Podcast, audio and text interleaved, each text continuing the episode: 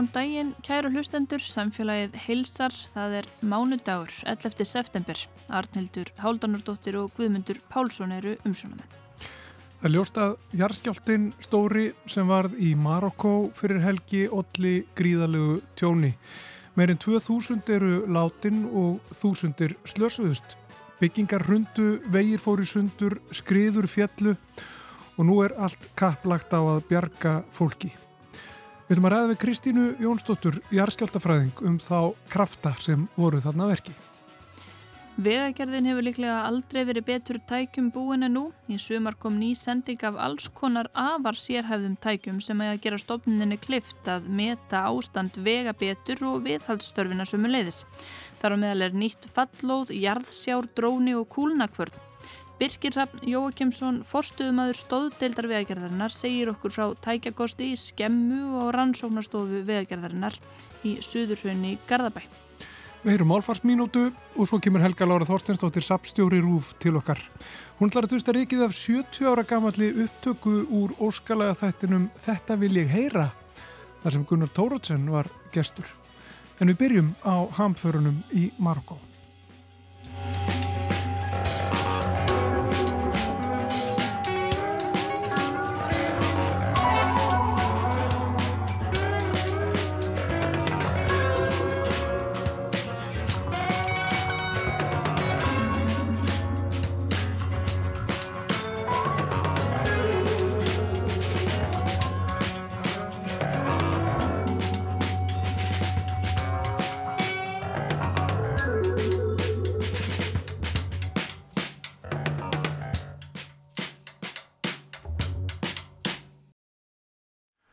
Förstu daginn reyð stór jarðskjálti yfir í Marokko og allir miklu tjóni. Meirinn 2000 manns eru talin af og þúsundir slösuðust og þetta er stærsti skjáltin af þessu svæði í meirinn 100 ár og ljóst að þarna voruð miklar hanfarir. Og hún er sest hérna hjá mér Kristi Jónsdóttir, jarðskjáltafræðingur, verður velkominn Takk. Um, Hefur að byrja bara á því að velta fyrir okkur umfanginu þannig að þetta er stór skjálti Já. Og það er komið tala á hann, það er 6,8. Já.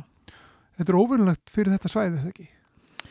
Sko það er nefnilega, er ekkert mjög mikil skjáltaverkni akkurat á þessum slóðum og, og ég hérna las eitthvað staðar að þetta væri stærsti skjáltin í 500 km radíus, í rauninni einu skjáltin sem verður yfir 6 á 100, eða sérst í yfir 100 ár og þú getur dreigð 500 km radíus uh, í kringum hann og hérna, en það verða Marokkobúar er ekki alls hérna, þú veist, skjáltar í Marokko er, er ekki alls óþektir því að það verða skjáltar yfir stærnin 6 í Marokko en þeir verða allir þannig nýrst í rauninni nær bara meðarahafinu og Gíbraldar en ákvörðat á þessu svæði að þá eru svona stóru skjáltar ekki algengir nei.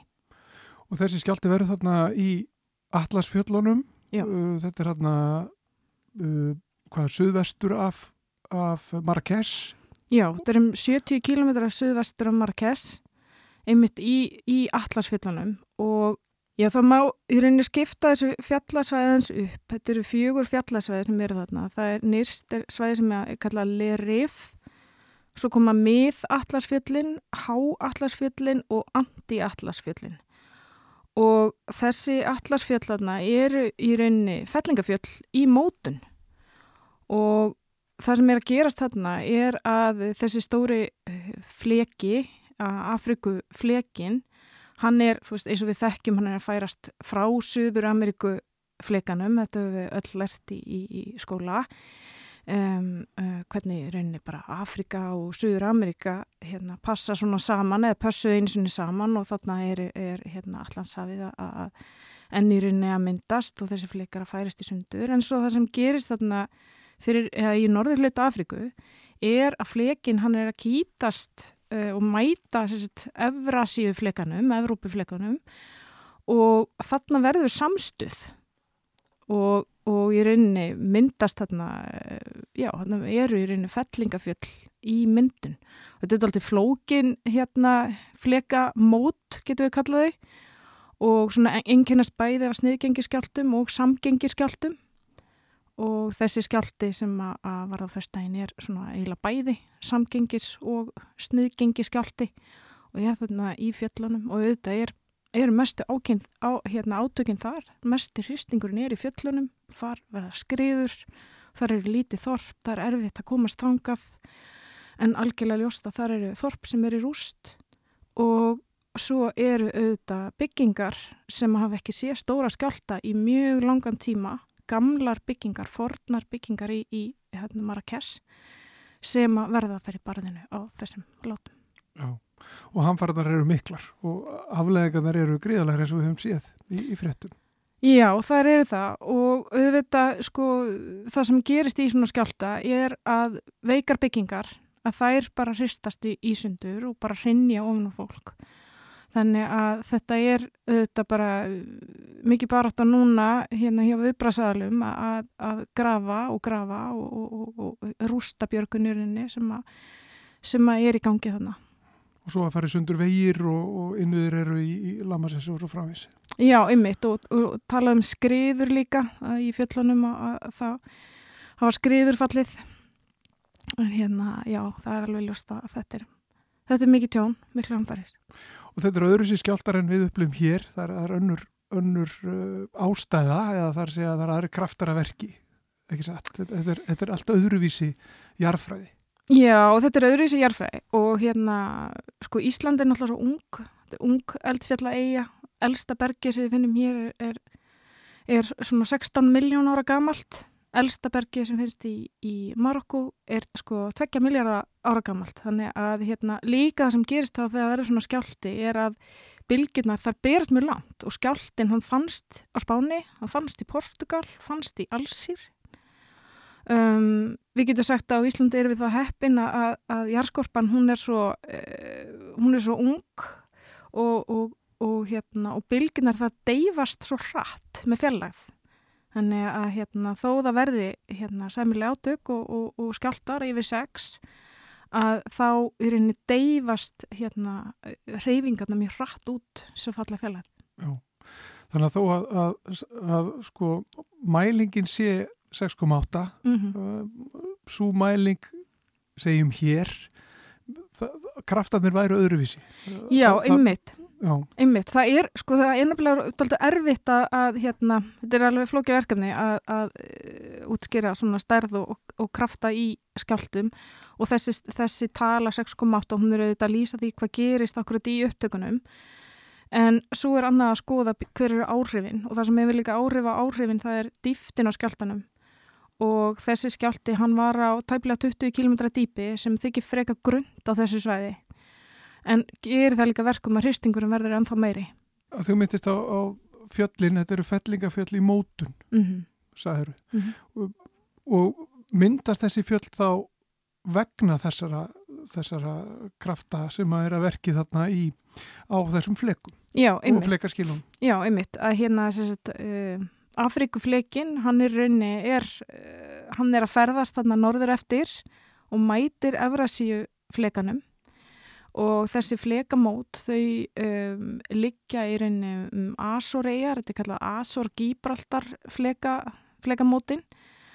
Og svo liggja þau um uh, norðurhluta Afríku og líka hluta í, í meðjarahafinu og, og fara svo, veist, þetta er fyrir flókið hluti fer svo til Ítalíu. Þannig að þetta er mjög svona flókin flekamót þarna En stóra myndin er svo Afrikufleikin hann er að færast í áttaðaður í fleikanum og það verða í rauninni, það verða þess, þetta samstuð getur við sagt. Og hérna og það bara uh, Járskorpan hreinlega lætur undan þessum kröftum og fer að kýtast upp bara ekki ósvipað eins og í í eh, öðrum alpafjöllunum og, og öðrum fellingafjöllum sem við þekkjum sem er, eru auðvitað ekki lengur í mótun þarna eru við sannlega með fellingafjöll sem eru enn að myndast. Og það þurfti ekki þennan skjálta til þess að við áttuðum okkur á því. Þa, það, eru, það eru þarna hræringar sem, að, sem við vitað að, að, að verða. Já, algjörlega, að hérna, þú veist, þetta eru, þetta eru þekkt, þekkt fjöll, þekkt fellingafjöll og og það er henni algjörlega vita líka að þarna geta orðið, orðið skjáltar en, en eh, langt síðan að þarna varð svona stór skjálti Um, það var skjálti 5,8 1960 nálagt Agadir. Og þessi skjálti í rauninni verður svona milli Agadir og Marrakech sem er svona þessi stóru þessar stóru borgir, Agadir er hérna við Allansafið, mm -hmm. svona vinsæl strandborg en þessi skjálti var sérst 5,8 og þá dói 12.015 manns í þeim, í þeim skjálta oh. og hann er sko heitli, heitli starðagráði minni en, en, hérna, en einmitt vegna þess að kannski byggingastælar og eftirlit með byggingum um, er takmarkað þú veist, það er náttúrulega mikið á gömlu byggingum það er kannski, þetta er líka mál sem hefur mikið rætt á Ítalíu það er mikið á gömlum byggingum hvað gera við það er mjög kostnæðasamt að e, í rauninni að laga þær eða að, að bæta þær þannig að þær standist skjálta Þetta er í rauninni víða í Evropu líka í, hérna, í Zagreb að það verður skjáltar þar fyrir nokkrum árum og aftur þá verður þetta þessar gömlu byggingar, gömlu fallegu byggingar í miðbæinum sem að verða verða fyrir barðinu á þessum skjáltum. Mm. Voru ykkur eftirskjáltar sem að fyldu þarna? Er, það, er þetta þannig jærskjáltar að það með búast við ykkurum skjáltum í framhaldinu eða, og hafa þeirrið yfir? Já, það verða alltaf eftirskjaldar eftir svona skjálta og hérna stærsti eftirskjaldin var ekki nema 4,9 sem er svona aðeins minna en fræðin segja til um. Hann varð eitthvað um 20 myndum 20 myndum síðar. Um, og já og svo bara heldur sko skjáltavirkni áfram. Þá má í raunni sko það er svona að tala um það að, að þau má putta regla sko að þú ert með Þetta er skjálti sem er 6,8, þú veist þá 4,8 við erum kannski með, uh, þú veist, það er komin eitt sem er 4,9, eh, ef við förum niður í fjarkan þá erum við kannski með sko 50 til 100 þannig skjálta og, og þú veist og svo 1000 skjálta starðinni þrýr.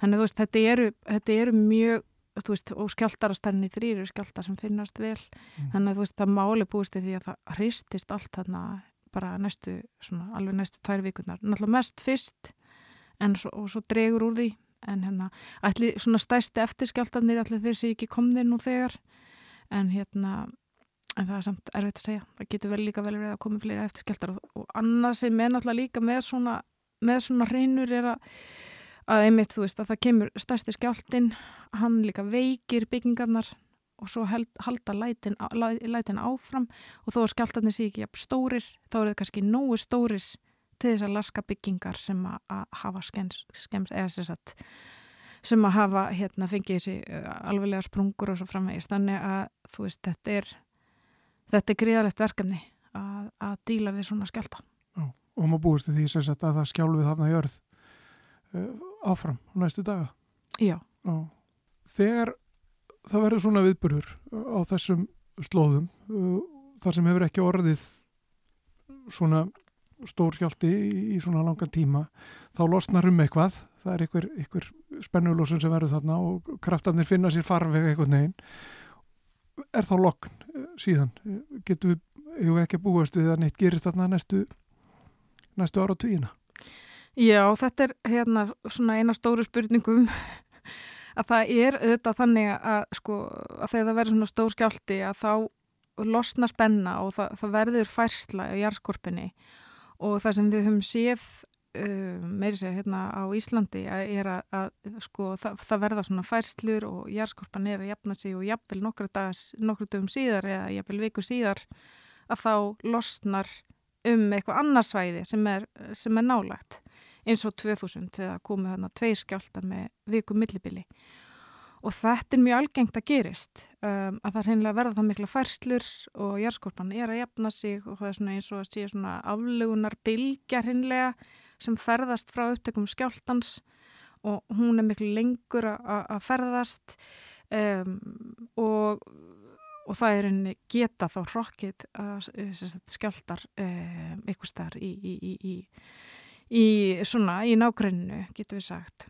Um, en svona, ef, að einhverjum tímaleginum, þá getur við sagt að, svo hættaði legin hjá og hérna, og það er þessi, getur við sagt, þessi, þú veist, endurtekning, ég menna svo fer náttúrulega eins og þú segir að, að sko járskorpan hún hættir ekkit að ferðast sko. Það er þessi færsla, stöðu að færsla á Afriku fleikanum, hann er að færast hann upp eftir, þetta er ykkur cirka 10 mm ári sem hann færist að Európu fleikanum og þá smá saman um, sapnast upp næg spenna fyrir næsta skjálta.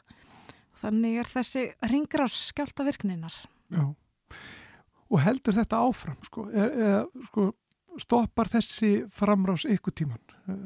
Skilur hvað ég menna, sko, í stóra saminginu yfir langan tíma Já, yfir... verður þá bara hægt að segja þetta tíma byrja liðið eða, eða þekkjum við það ekki? Þetta... Jú, það, það er nefnilega svo skemmtlegt að það er, hérna, það er alls konar uh, fólk að stúdera ymmið þessa hluti, hvernig verður framtíðar jörðin og hvernig munir þessir flekar uh, í rauninni þróast og þá eru við ekki að tala um hérna 100 ári eða 1000, eh, við erum að tala um miljónir eh, og, og jafnvel miljarda ára til þess að er henni reikna okkur fram hvernig, hvernig munir þessi flekar líta út.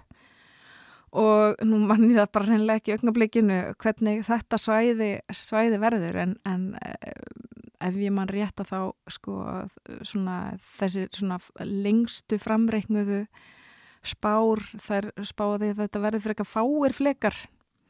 En hérna og Ísland mun uh, sigla svona áfram eitthvað norður eftir. En hérna já Ísland álveg e, inni alveg mjög mörg mjög mörg miljón ár í viðbót allavega. Já, mitt við skulum bara að ljúka þessu svona Kristín Jónsdóttir, Jærskaldafræðingur takk fyrir að koma til okkar og, og ræða við okkur um, um uh, þessar miklu hamfari sem eruðu þarna í uh, Marokko núna fyrir helgina og auðvitað eiga síðan samfélagslegu áhrifin eftir að koma í ljós og, og þeir upp í staði þá náttúrulega uh, er fyrst og fremst já, kannski aðalatrið að hugsa til fólksins á svæðinu. Já, hann er alltaf bara mikilvægast að það sem gerist núna það sem, það sem gerist núna um helgina og bara það sem gerist núna næstu dögum bara upp á það að bjarga fólki sem er þannig rústum. Takk fyrir komuna Kristín. Takk.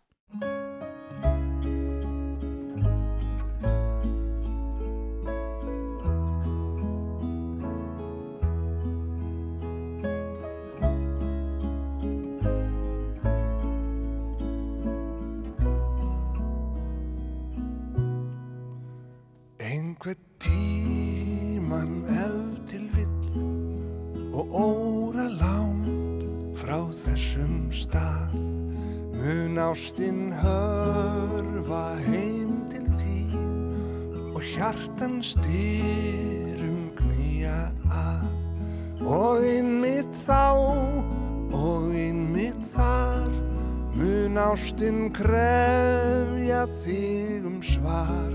Og þá er rétt að rifja upp orðin mín. Þau eru styrð þau eru fá þau sjálfsagt aldrei flugin á.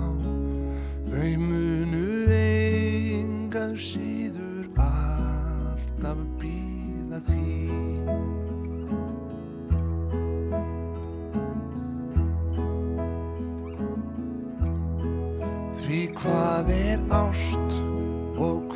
er svar og hvernig geymist allt sem var. Mundað hvar sem hjartað slær Hamingjan er oftast nær. Og einmitt þá og einmitt þar mun ástinn kröfja þig um svar. Og þá er rétt að rifja upp orðin mín. Þau eru styrð þau eru fá þau sjálfsagt aldrei flugin á. Þau munu engað síður alltaf býða því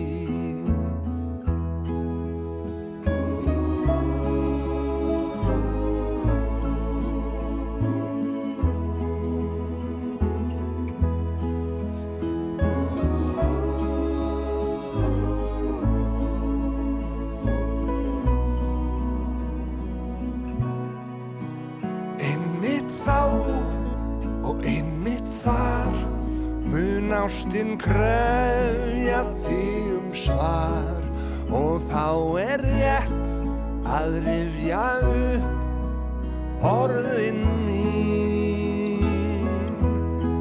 Þau eru styrð, þau eru fá, þau sjálfsagt aldrei flugin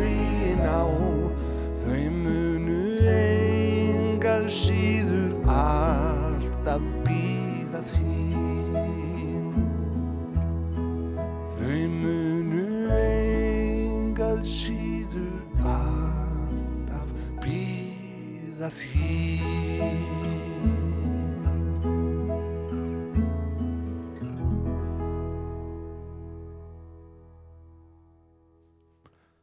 Þetta voru Sigurður Guðmundsson og Memphis Mafian og lagið Orðin mín. Og þá ætlum við að kynna okkur tækjakost vegagerðarinnar en hún fekk í sumar nýtt fallóð, jarðsjár, dróna og fleiri merkileg tæki. Við rættum þetta við Birkirhafn Jóakimsson, forstuðumann stóðdeldar hjá vegagerðinni. Ég heiti Birkirhafn Jóakimsson og er verkfræðingur og forstuðum að stóðdeldan mannverkjasviðs og við, sem sagt, stóðdeldin hún sinnir öllum svona jarðtækni og jarðfræðiransóknum fyrir vegagerðina og nú ætla ég að fara að sína nýtt tæki sem vorum að fá í hús. Já, við skulum bara rölda. Já, bara eftir mér.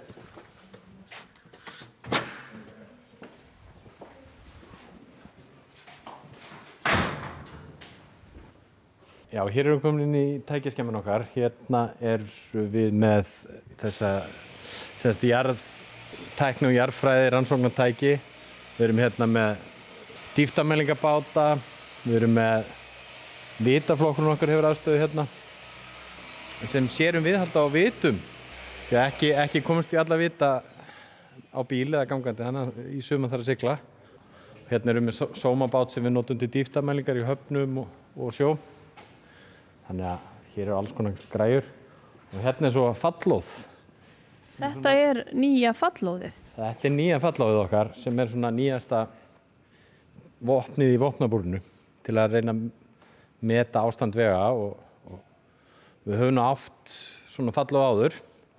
Ekki reynda svona fullkomið. Við erum að endur nýja fallóð sem var keift upp alveg árið 1985 þannig að það kom vel til ára sinna þannig að það var komin tími á að, að, að yngja upp og, og uppfara í, í betra tæki. Og fallóði og þetta lætur nú ekkert sérstaklega mikið yfir sér. Þetta er svona frekar nett bara svona eins og einhver kerra Já, þetta er bara kerra sem er drein átti bíl og, og, og svo er lóð hérna eins og við sjáum og heyrum hún er komin í gang. Fer upp í ákveðna hæð og svo sleppir það og við erum hérna með svona nema hérna röða nemum fyrir framann sem að nema svo höggbylgjuna eftir veginu. Já. Við erum með hérna nýju nema fyrir framann með mismunandi fjarlægt þannig að við getum uh, metið ástand og styrk raun og veru allra laga vegarins. Bara með því að gera framkvæma eina svona mælingu sem tekur um hver mæling tekur um 60, 50-60 sekundur Þannig að þe- þegar að lóði skellur á yfirborð vegarins þá uh, slakiði þessum nemum, þessum hvað 8-9 nemum líka niður sam, samtímis. þeir eru slag, þeim er slaka niður fyrst áður en að lóðið fer að stað. Þannig að þeir eru komnir í plan í veginn og svo fer lóðið sjálfkar upp og framkvæmið þrjár mælingar og hér, núna er þetta alltaf að fara niður sér þeir bera, eða snerta sem sagt Þeir snerta Planið? alveg planið. og, og sem sagt nema reyfingar og það er aflögun og svörun sem að gefa til kynna hversu já gott góð undurlögin eru því að vegir eru yfirleitt byggður upp úr það er semst neðst er vegbotn sem er þá einhver berandi botn eða, eða mýri eða, eða hvaða er sem er undir veginum og hann á það kemur fylling sem er svona grófasta og, og minnst unna efnið Við gerum líka minnstu kröfu til þess efnis að því að það er minna ár, minni áraun og það. Er það ekki ofta að sækja það bara í sorpu? Er þetta ekki gamlar eldhúsinnitingar og, og glera og eitthvað? Nei, alls ekki. Nú, það verið fyllingarefni. Nei, bara því það er oft not fyllingarefni, úrgangur Já, frá, hérna, frá byggingariðnaði. Já, það eru landfyllingar, Það landfyllingar. ekki vegfyllingar. Nei, vegfyllingar þurfa að uppfylla ákveðna kröfur. Við gerum kröfur til styrks, kortnastærða og, og þjöppunar eiginleika og annað. En, en, en svo ofan að það kemur styrtalag sem er ennþá meiri kröfur. Svo kemur burðalag sem er orðin tölvöld mikla kröfur, varandi styrk og, og kortnalögun og, og jafnveg bergreiningar og, og allt svo les. Og svo kemur slitlaði þar ofan. Og þetta tæki getur gefið okkur raunur ástandið á öllum þessum lögum. Uh, þurfið í rauninni að dekka allan uh, veginn, því ég veit að þið eruð að fara að nota þetta fallóð og alla stoppvegi kringum höfbruksvæðið og, og ringveginn líka. Þar, þarf bara svona úrtæði, þess að bara svona eitt kabla hér og þar eða er þið að skoða allan veginn? Við erum í raun og skoða, skoða alla veginn. Við, við framkvæmum mælingu á 100 metrar fresti á annar akrinni og svo komum við sko 50 metrar inn í það og gerum á 100 metrar fresti hinum meginn. Þannig að við erum í raun og að prófa veginn á 50 metrar fresti, bara alveg. En, en svo getum við náttúrulega eh, lengt það upp í eins og við erum með nýja vegi sem við vitum að eru bara í góðu standi en viljum samt fá mælingar á þá fyrir við með þetta í svona 200 metra. Og hvað hefur þetta nýja fallóð fram yfir það gamla frá 1985? Sko, fyrst og fremst er þetta stillalegur þungi á, á hérna lóðinu. Gamla lóði var semst, með 50 kg njúton á hamri en þetta er stillalegt frá 50 upp í 350 kg njúton. Þannig að við getum í raun og núna með miklu betra móti fallósmælt alla stoppvegi á höfuborgstöðinu. Við getum líka falla og smelt eldri vegi sem eru með stift undir og annað. Svo höfum við líka í samstarfi við flugvellina verið að falla og smæla flughlöð og annað og það er mjög nöðaldara með þessu tæki. Sko. Og það uppfyllir um það, þá staðala og kröfur sem eru gerað til flugvalla líka. En aftur á móti fyrir okkur getum við með meiri vissu falla og smælt og ástandsmetið þessa stóru vegi í kringum höfuborgsvæðið. Gamla lóðið, er það hérna einhverstað líka? Það er á einstöðum núna. Og það er í vinnu ennþá? Það er ennþá í vinnu og, og, og við fallásmæðum líka á malavegi og allt sko. Við tímum þessu nú ekki alveg strax á malavegina en, en við keirum þessi bæði þessi fallóð bara til að auka afkost í þessum mælingum. Getur fallóðið eigðilagt veginn? Er þetta það þungt eða geta verið orðið eftir einhver ummerki eftir það? Nei, það verður nú engin ummerki eftir þetta. Og þetta er einmitt það sem við kalla á ennsku non-destructive testing. Sest, þurfum, þetta eru prófanir sem við gerum, ef við ætlum að fara að gera einhvern veginn þá þurfum við að græfi veginn og ná í síni og prófa það rannsónstofu en þetta er svona tæki sem að skemmir ekki neitt en gefur okkur alveg sömu niðurstöður og við myndum taka síni og, og svo bara með þessum upplýsingum og, og nýjum hugbúnaði þá getum við spáð fyrir um hversu langan tíma hvert lag á eftir í líftíma miða við þá umferð sem er eða miða við þá þunga umferð sem er á veinum. Og þið eru með ja, fleiri nýtæki sem að þið eru að nota svona með þessu og, og þau saman er að gefa ykkur þá svona heildar mynd af, af stöðu vegan. Já, við erum hérna til dæmis með bíl sem við köllum veggreinin.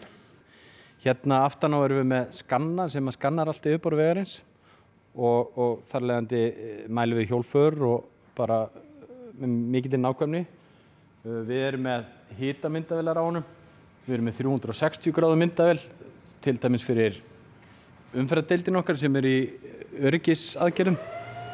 Við erum með myndir sem taka myndir af yfirborðu vegarins og svo hérna framann á getum við sett svo kallar jarðsjá sem er útarspilgjur sem eru sendað niður og svörunin, eða sem sagt, efnduvarpið úr þeim gefur okkur tæki til þess að greina lagþyktir í vegum og eins notum við jarðsjá líka til að bara uh, mæla dýftir jarðlaga, dýftinir og klöpp og annað. Og það, þetta er nýtt tæki sem við notum samfarið þessu til þess að vita þyktir á lögum.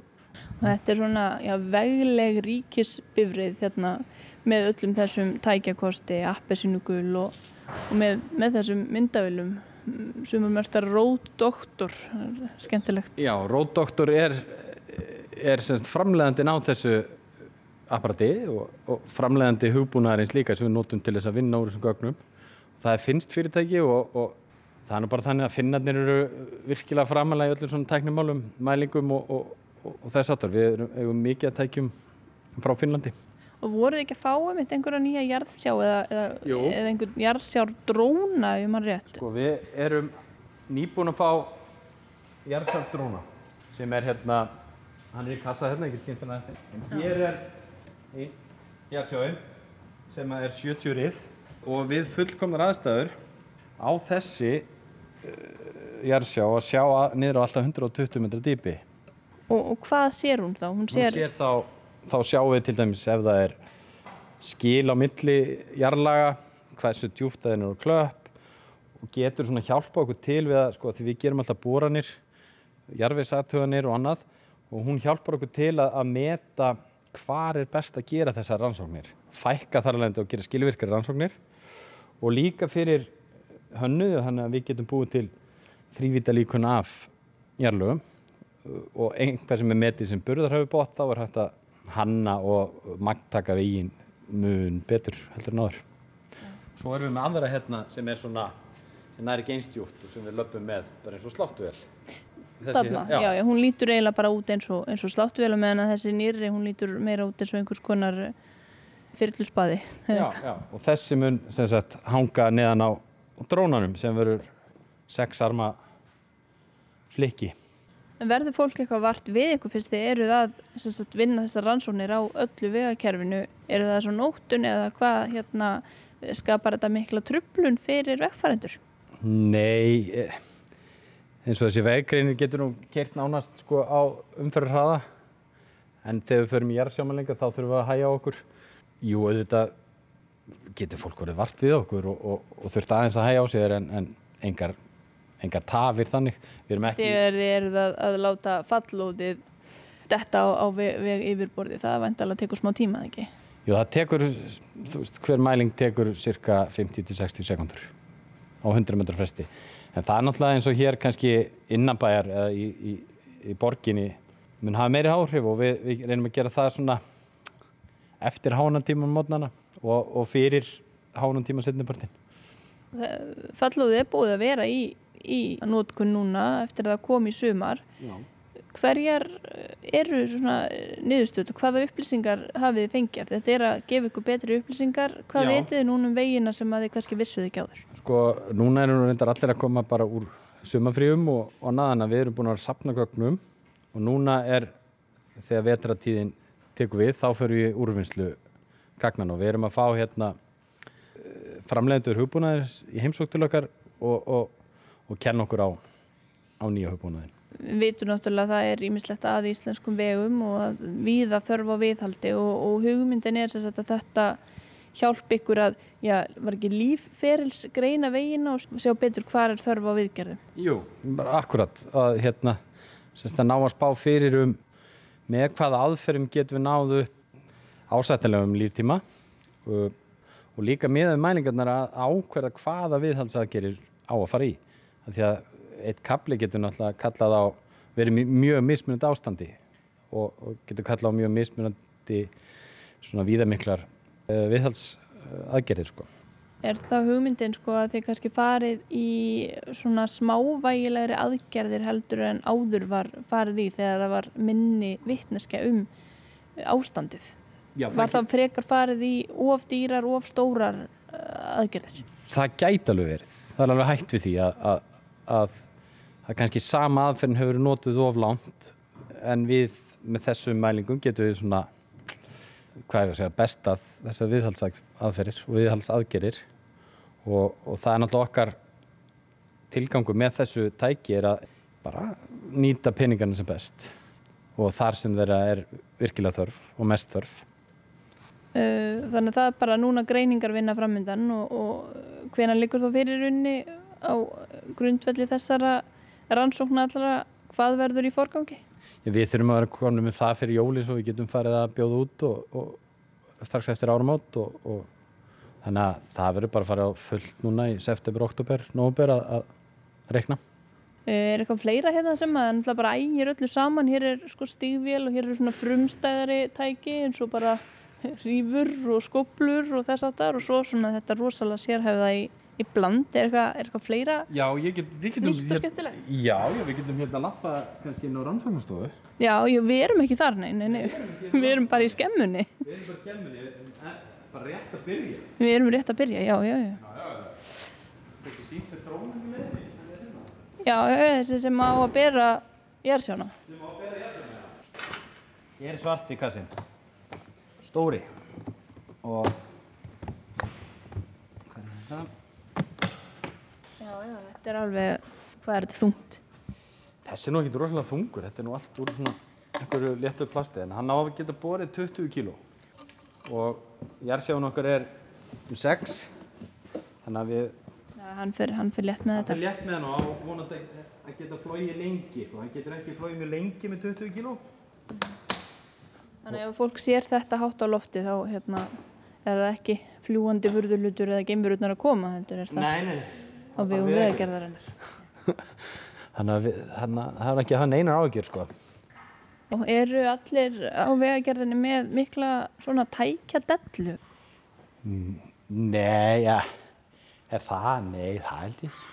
Nei, ma- ég. það, er ekki, það er ekki gerð krafa um það Nei, í, í krafa. atvinnu um svo. En, en sko, hann það tækja þetta er kannski mest bara það sem er hjálpað til að gera vinnuna öðaldari og gefa okkur nákvæmari upplýsingar um bara stöðuna og, þar lendi getum tekið miklu upplýstari og betri ákvarðanir.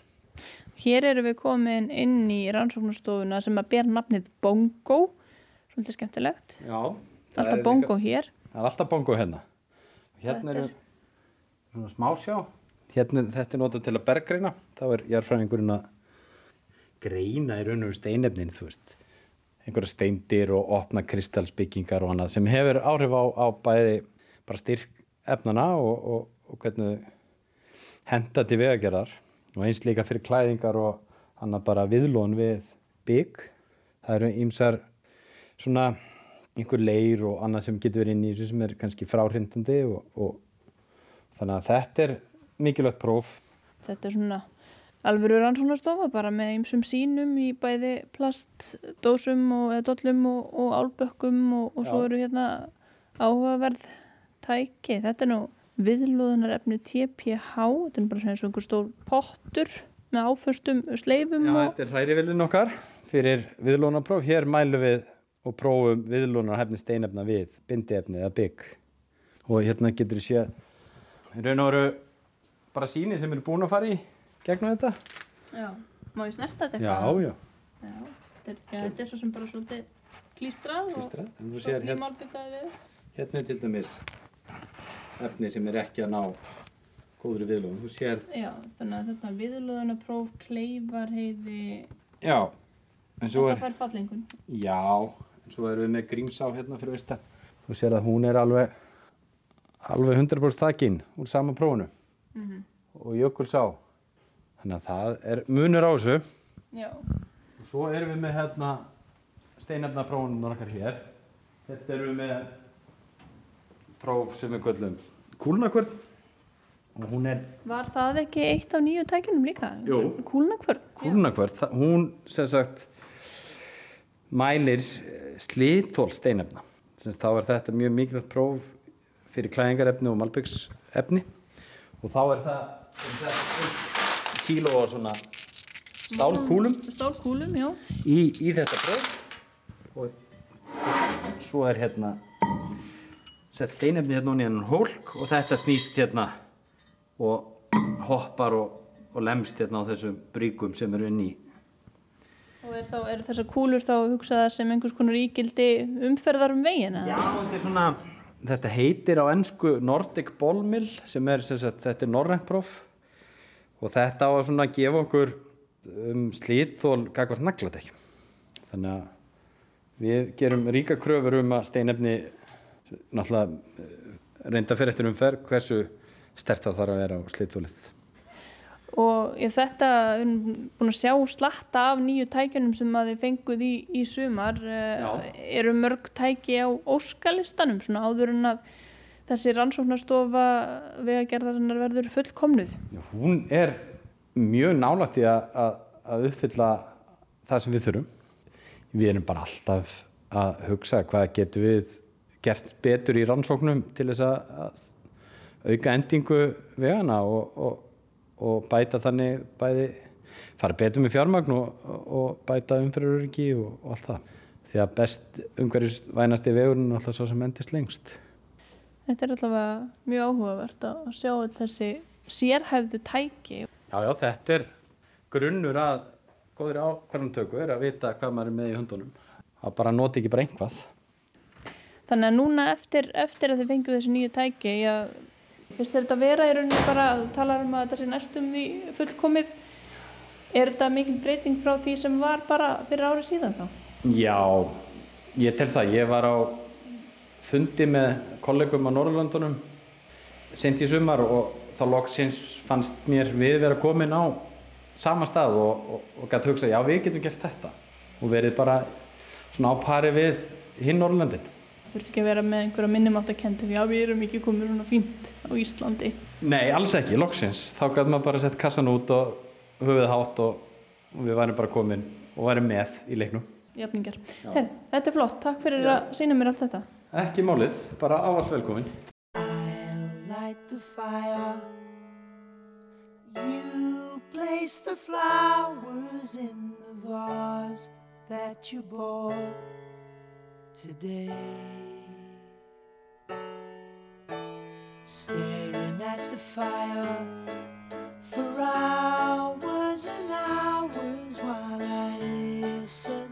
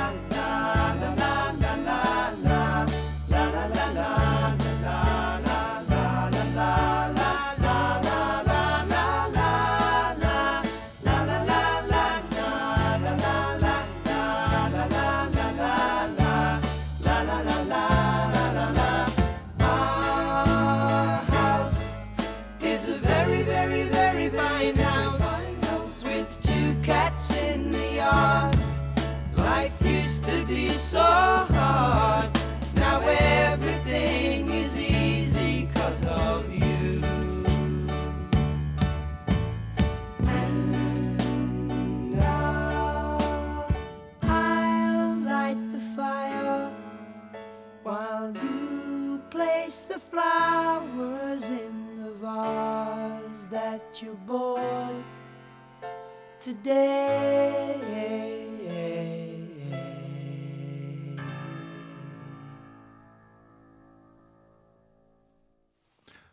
Our House heitir þetta lag. Þetta voru Crosby, Stills, Nash og Young. Og uh, þetta lag kom út árið 1970 á, uh, var þá á plötunni Deja Vu En uh, við erum enn eftir að fá hingað heimsókn úr Safni Rúf, Helga Lóra Þorsteinsdóttir kemur hingað eftir örskama stund. En fyrst er það einn málfarsminúta.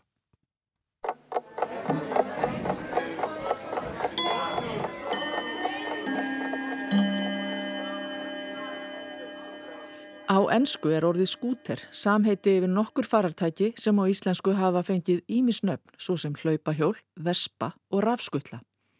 Eitt þessara farartækja, hlaupahjólið, er stundum kallað skúta á íslensku, en því aðeins að það sé rafknúið og þá kallað rafskúta.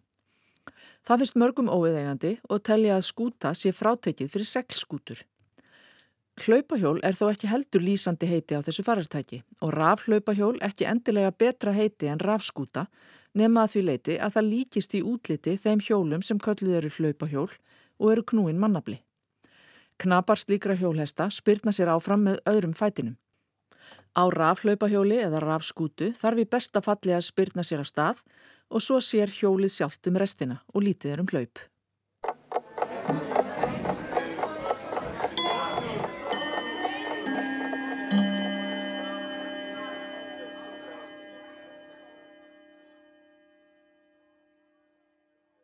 Og þá eru sérst hjá okkur Helga Lára Þorsteinsdóttir, sapstjóri Rúf og uh, með eitthvað glóðvolt úr samninu. Hvað ætlar að bjóða okkur upp á þetta og leiða okkur að heyra? Já, í tilöfni af ný afstöðnum tónleikum Symfóníuljónstar Íslands í samstarfi við Rúf, klassikin okkar. Þar sem almenningur fær tækifærið mitt til að kjósa óskarlög sem hljómsveitin flytur og árlegum tónleikum í beitni útsendingu. Þá langaði mér til að rifja upp einna mörgum óskalega þáttum útvarsins. Þátturinn bara nafnið Þetta vil ég heyra. Og við fundum hann að band nýverið sem er mert haust 1952 og það kemur sér hérna, það kemur í rauninni ekkert nánar fram uh, utan á þessu bandi um, þetta er sér orðið 71 árs gömul upptaka Og, og þannig eru þið með sem sagt uh, mm og það stendur bara haust 1952 og þið vitið rauninni ekki þegar þið fá þetta band í hendunar hvað er þar að finna. reyndar vitum við aðeins meira og nú ætlum ég aðeins að segja nánar frá því. Sko það stendur utan á bandinu uh, þetta vil ég heyra uh, haust 1952 og svo, svo, svo er oft sko skýsla sem fylgir með og þessari skýslu kemur fram að segulbandið er afritað af lakkplötu. Og það heyrist á upptökunni sem við hlýðum á að eftir að þetta er auglustlega af, af plötu, þetta er mjög svona notaleg upptaka eins og maður segir. En upplegið í þættinum sem þarna er kynnt nýtt til sögunar var þannig að gesturinn mátti velja sér óskalög úr safni ríkisútarsins en þá var að sjálfsögðu bara um að ræða klassiska tónlist. Þetta er hann á þeim tíma. Og umsjónumæður þáttarins var Jón Þórarinsson en gesturinn sem reið á vaðið var engin annar en Gunnar Tórótsen, borgarstjóri Reykjavíkur. Og Gunnar mætti ótrúlega vel undirbúin í þáttinn. Þannig að þú veist það fór ekki mikið fyrir léttur spjalli um daginn og veginn svona almennt.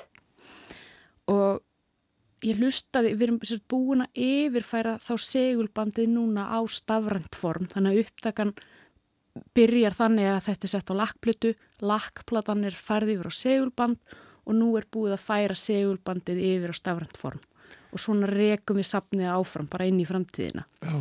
En lakkplatan, Lakk- er hún til? Já, hún ætti að vera til í, í sapni út á sinns en við viljum helst ekki yfirfæra hana aftur vegna þess að hún er um mjög viðkvæmu efni og þegar við förum í svona yfirfæslur þá viljum við helst gera það bara í eitt skipti fyrir öll þannig séð.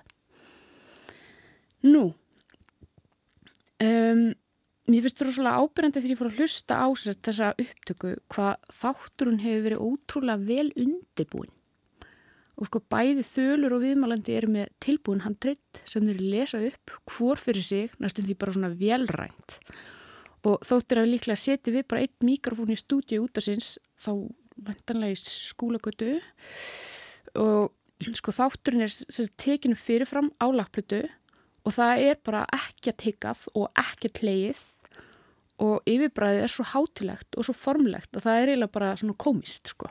og svo segir svona, já Jón í hljóðbrötunum sem við heyrim hérna á eftir að, að hérna það sé fátt eitt sem hann getur sagt til kynningar og Gunnari Tórótsen sem ekki er þegar á vitund alþjóðar um, og svo longaði með þess að segja frá Jóni sjálfu því hann var yfirkennari við tónlistaskólinni Reykjavík þegar þetta er tekið upp svo tók hann við hérna á ríkisútarpinu sem yfirmaður lista á skemmtideilda sjómasins og hann hefur sko starfaði sem slíkur eiginlega frá stopnu sjómasins uh, og þanga til árið 1979 þannig að hann hafi mjög mikil áhrif á ríkisútarpi og ríkisjómarpi og svo samta nokkur mjög fræg íslensk sönglög eins og til dæmis Fugglin í fjörunni og Íslandst vögguljóð á hörpu og þetta vissi ég ekki fyrir en ég fór að rýna í, í þessa menn sko.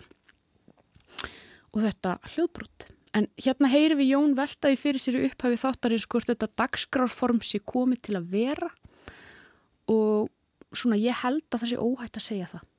Það er að segja það er til ótal afbreyði af þessari dagskrárgerð sem hafa notið mjög mikill að vinsalda allar götur síðan Gunnar mætti með óskalaga sinn í útarpið þarna hausti 1952 En við skulum endilega hlusta á Jón og Gunnar en fyrsta óskalagið á listanum hljómar kannski ekki beint í kjölfarið en það var spjalli sjálft bara varfitt á upptökunni en ekki tónlistin. Því hún var svo spilist af annari plötu sem ég hafði ekki fyrir að koma með í dag. Já, en það er það þannig að þetta viðtalið að þessi þáttur er tekin upp á, bara beint á plötu. Já, ég held að það hafi farið þannig fram, já. Já, og svo er platan, teki, þessi þáttur eru upptekinn, hann er ekki sérst í bytni útsettingu, þá mm -hmm. heldur er hann leikin af plötu. Já. beinlinis Já. Eh, í, í darskráni. Ég held að það hafi farið þannig fram, ég var ekki á staðnum nei, og ég get ekki votta neitt sko, Meini, en já, það, það hefur já, það hefur verið aðferðin og svo hefur tónlistadeildin fengið hérna sveigrum til að finna til þá þær hljómplutur úr sapni útvarsins sem að Gunnar óskaði eftir að fá að spila í þættinum mm. og þannig að þetta var alveg ótrúlega vel undirbúið. Já. Við vinnum þetta allt öðruvísi í dag. Eða að heyra? Endilega. Hvor byrjar að tala? Það er Jón. Hlustum að þetta. Takk fyrir komuna Helga Lára Þorstinsdóttir. Takk. Þessi nýju þáttur sem nú rennur á stokkonum er tilrönd til að koma nýju sniði á óskalaga tíma útversins og verður vonandi til þess að auka fjölbreytni þeirra um leið. Hugmyndin, eins og hlustendum er kunnugt, er svo að bjóða hinga nokkrum góðum gestum og lofa þeim að velja sér plötur úr safni útvarsins og er ætlast til að þeir geri sjálfur grein fyrir óskum sínum. Annars verður engu lofað fyrirfram um ágæti þessa þáttar og verður reynslan einn að skera úr því hvort hann er hér sömu vinseldum og svipaðir þettir hafa náð annar staðar. Fyrsti gestunum sem hingað er bóðin í þessu stíni er borgarstjórin Reykjavík Gunnar Tórótsen Aldingismadur og er það okkur hér mikil ánægja að hann skildi vilja þekkjast bóðið og ríða hér fyrstur á vaðið. Þó að ég væri allra vilja gerður myndi ég fátt eitt geta sagt til kynningar Gunnari Tórótsen sem ekki er þegar á vitund alþjóðar. Það veri þá kannski helst það að auk allra annara hæfileika sem hann er gættur hefur hann einni til að bera ágæta tónlistarhæfileika, er góður píjánuleikari hefur stundan ám í tónfræði og samið nokkur lög þótt lít hafi hann haldið því á lofti. Því miður gefst ekki tími til að leika hér öll lögin á óskalagalista borgarstjórans sem hann fjekk mér í hendur til undirbúnins þessum þetti en það geti vottað að listin í held bar ótvírætt vittni um ágætan tónlistarsmekk og góða þekkingu á klassískri músík. Vertu velkomin hinga Gunnar og hver er nú þín fyrsta ósk? Ég hef jafnan haft mestar mætur á Beethoven, allra tónskálda og kynntist ungur píanósónutum hans. En það eru ekki íkja mörg ár síðan við Íslandingar fórum að kynnast hinnum stærri verkum Beethovens og slíkra meistara. Hljómplötur og útvarp hafa fært okkur nær þeim. En merkasti áfangin er stopnun og starfsemi Sinfoníu hljómsveitar Íslands sem hefur þegar flutt margar af hljómkvíðum Beethovens. Svo hljómplata sem ég vel mér fyrsta er undurfagur kapli úr sjööndu Sinfoníu Beethovens, leikinn af fílharmoníska orkestri New York borgar undir stjórn Toskanínis. Já, ég leiði mér nú að þakka þér fyrir þau hlýlu orð sem þú sagðir í garð symfóníuljónsveitarinnar og hér heyrðum lægið, gjör það svo vel.